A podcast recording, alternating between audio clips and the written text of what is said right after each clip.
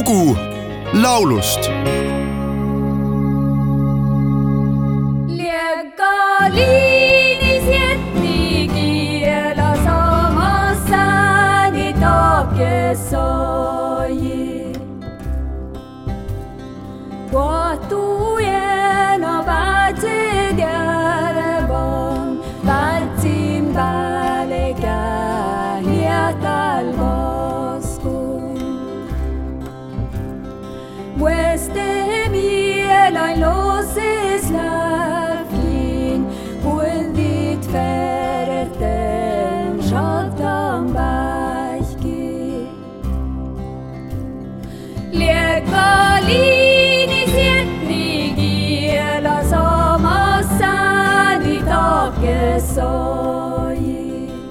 olen rubriigis lugulaulust tutvustanud üsna erinevates keeltes laule, milledest on tehtud eestikeelseid kavereid.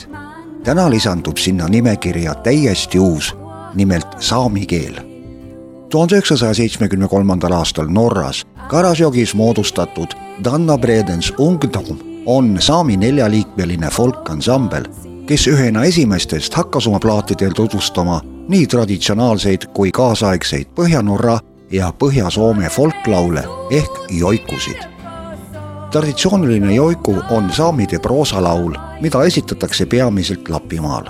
joiku on enamasti improviseering ja lauldakse ilma instrumentaalsaateta.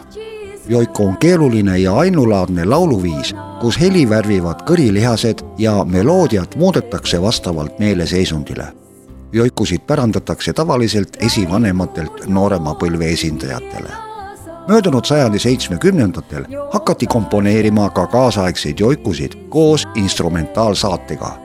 üheks niisuguseks ongi Dana Bredens Ungtomi tuhande üheksasaja seitsmekümne neljandal aastal salvestatud momendil kõlav pala Koat Haenan, mille autoriteks Lars Wilhelm Svonni ja Paulus Utsi ning mille on tõlkinud eesti keelde Juhan Viiding pealkirjaga Ela hästi kodumaa eestikeelse kaveri on linti laulnud Juhan Kreem, Indrek ja Kaarel Tarand ning Jaagup Kreem.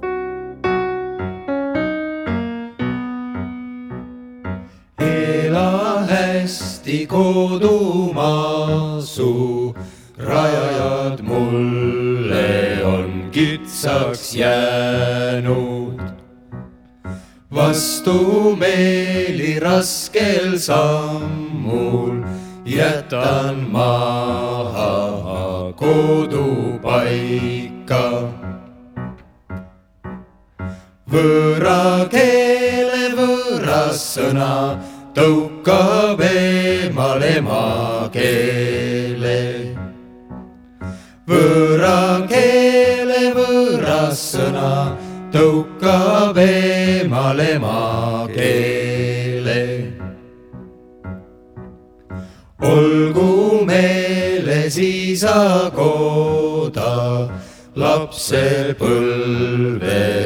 mängupaigad. Oma hinges ikkagi kuulda põdrakellade hääli tahan. palju pilte on mul silmis südames, neist tunnis märgid. palju pilte on mul silmis südames, neist tunnis märgid. jäägu meelde isa sau ja põdras ilmus ja kõlus köied. oma hinges ikkagi kuulda põdrakellade hääli tahan.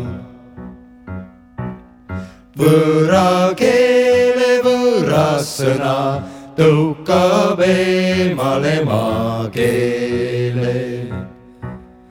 palju pilte on mul silmis, südames neist tunnis märgid.